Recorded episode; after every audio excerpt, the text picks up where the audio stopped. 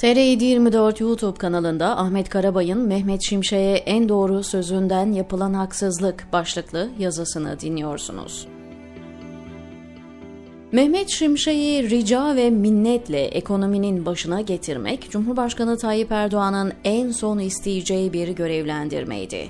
Hazine ve Maliye Bakanlığı koltuğuna oturan Mehmet Şimşek'in en büyük handikapı da bu koltukta oturacağı sürece Erdoğan olacak. Ekonominin dağılan şirazesini toplama gayretindeki Şimşek'e son günlerde yöneltilen eleştirilerin temelinde ise Erdoğan'a vuramayanların kolaycılığı yatıyor. Bazı şeyleri çabuk unutuyoruz. Üzerinden daha 6 ay geçti. 28 Mayıs'ta yapılan ikinci tur Cumhurbaşkanlığı seçiminde kazanan isim olan Tayyip Erdoğan, zaferini kutlamak için çıktığı balkon konuşmasında en acil konu başlığımız ekonomi. Faiz indi, enflasyon da inecek. Yaparsak biz yaparız demişti. Aradan bir hafta geçti, 4 Haziran'da açıklanan kabinede ekonomiden tam yetkili olarak Mehmet Şimşek'i görevlendirdi. Üstelik ekonomiye karışmama sözü vererek. Mehmet Şimşek kimdi?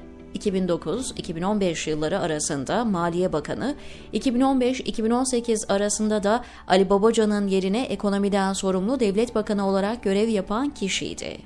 Şimşek de Selefi Babacan gibi kurumsal bağımsızlığa, bütçe disiplinine, kısaca ortodoks politikalara sıkı sıkıya bağlı olan bir iktisatçı. Erdoğan 2019'da görevden ayrıldıktan sonra Şimşek ve öteki isimleri dolandırıcılıkla suçlamıştı.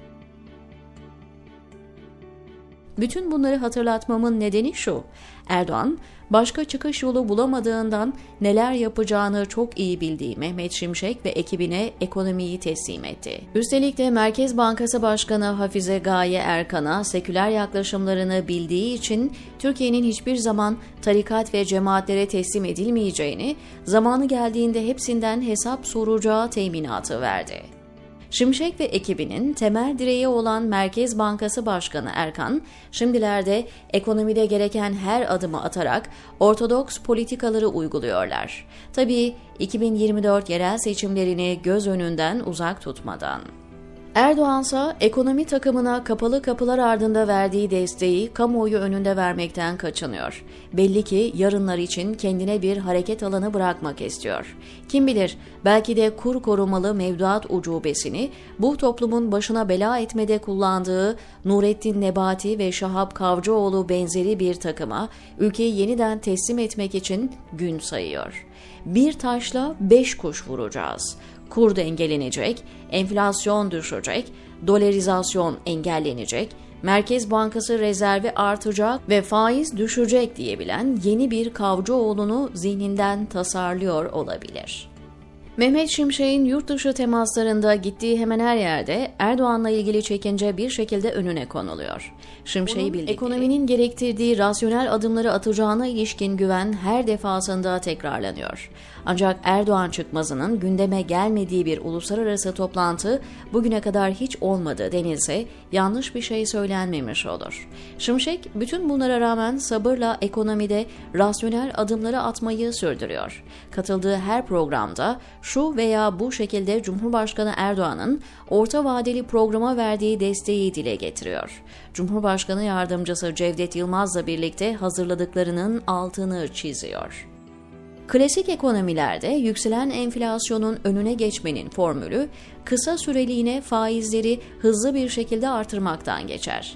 Nitekim pandemi ve Ukrayna savaşının ardından başlayan enflasyon yükselmelerine dünya ülkeleri çözümü faizi artırmakta buldu. Aynı ülkeler istedikleri sonuca ulaştıkça şimdilerde faizi indirmeye başladılar gelişmekte olan ülkelerin hızlı manevralarının ardından önümüzdeki aylarda Fed ve Avrupa Merkez Bankası'nın da buna öncülük etmesi bekleniyor. Türkiye o dönemde birinin söylediği faiz sebep enflasyon sonuç sözünü ispatlamak için dünyanın gittiği istikametin tersine hareket etti. Üst üste faiz indirmeye devam etti. Sonuç olarak toplum daha büyük faturalar ödemek zorunda kaldı. Yaşadığımız da bundan ibaret. Kabullenmek kolay olmasa da ekonomi varsılların varlıklarını çoğaltmak üzerine işliyor. Erdoğan faizi indirip kur korumalı mevduat ucubesini bu toplumun sırtına kambur olarak yüklerken, rantiye kesimine ekonomiye hiçbir dönüşü olmayan rüşvet verdi. 5 yıl önce tek adam dönemi başladığında faiz giderlerinin payı bütçe içinde %8,4'tü. Kur korumalı mevduat dahil faiz giderlerinin vergi gelirlerine oranı 2022 yılında %17,1 oldu. Yani devletin topladığı 100 lira verginin 17 lirası faiz ve kur korumalı mevduat gideri oldu. Mehmet Şimşek hafta içinde katıldığı TRT Haber'deki yayında kur korumalı mevduattan çıkılacağını açık ve net bir şekilde ifade etti. Şimşek'in bu programa katıldığı günün gecesinde ise Uluslararası Kredi Derecelendirme Kuruluşu Standard Poor's Türkiye'nin kredi notuna ilişkin iyileştirme yaptı. Hemen her yorumcu bu haberi Türkiye'nin not görünümünü durağından pozitife çevirdi tarafıyla verdi. Evet, not görünümünün durağından pozitife çevrilmesi önemliydi. Ama daha önemli olan bu düzeltmenin takvim dışı yapılmış olmasıydı. Zira Standard Poor's daha iki ay önce Türkiye'nin not görünümünü negatiften durağına çevirmişti. Çünkü ekonominin en zayıf tarafı olan döviz pozisyonu toparlanmaya başladı. Dış varlıklar sadece son iki haftada 9 milyar dolar artış gösterdi. Lokal swaplarda son bir haftada 5 milyar dolar gerileme var. Şimşek ve ekibinin aldığı önlemlerle rezervler Haziran ayından Kasım sonuna kadar 36 milyar dolar artış kaybetti. Türkiye'nin bu yılın başında 900'ü bulan kredi risk primi hızla geriledi. Bir ülkenin iflas etmesi halinde ödenmesi gereken prim riski anlamına gelen kredi risk primi Mayıs seçimlerinden çıkıldığında 700'lerdeydi. Şimdilerde ise 330'a kadar gerilemiş durumda. Şimşek'in programda dediği gibi bu hızlı düşüş bütün gelişmekte olan ülkelerde görülen bir tablo değil, Türkiye'ye özel. Mehmet Şimşek, TRT Haber'de vergilerle ilgili bir değerlendirme yaptı. Verginin tabana yayılması konusunda ciddi adımlar atacağız. Hummalı bir reform çalışmamız var, dedi. Evet bu sözler Şimşek'e ait. Konuşmanın sadece bu kısmını alıp yansıttığınızda tabandan daha çok vergi almak için hummalı bir çalışma içinde olduğu algısı oluşuyor. Oysa Mehmet Şimşek burada tam tersi bir şey anlatıyor. Temmuz ayında başvurulan KDV, ÖTV gibi vergi artışlarına bir daha gidilmeyeceğini söylüyor. Daha adil bir vergi sistemi kurulmasından söz ediyor. Verginin tabana yayılması ifadesinin altında buzağı aramak insafla ifade edilebilir bir şey değil. Esas itibariyle verginin tabana yayılması, vergi alınamayan kesimlerden vergi alınması, muafiyet ve istisna adı altında tanınan ayrıcalıkların azaltılması, bütün bunlardan ötürü dar gelirlilerin üzerine binen dolaylı vergi payının azaltılması anlamına geliyor. Şimşek'in söylediği bir diğer doğru ve önemli konuysa hemen tartışılan cümlenin sonunda tasarrufla ilgili sözleriydi. Kamuda tasarrufun harcamamak anlamına gelmediğinin altını çizen Bakan Şimşek, kamuda tasarruf kaynakların doğru alanlara yönlendirilmesidir demesiydi.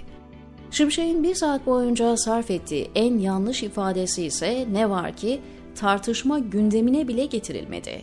TRT spikeri, Cumhurbaşkanı Erdoğan'a bazı vergileri %40'a kadar varan oranda artırabilmesi yetkisini savunmak durumunda bırakmak için Şimşek'e bir soru yöneltti. Burada aciz ve çaresiz bir savunma yapan Şimşek, bu yetkinin illa kullanılacağı anlamına gelmediğini anlatmaya çalıştı. Söylediği en doğru sözü çarpıtarak tartışanlar Şimşek'in eleştirilmesi gereken yanını görmezden geldiler, diyor Ahmet Karabay TR724'deki köşesinde.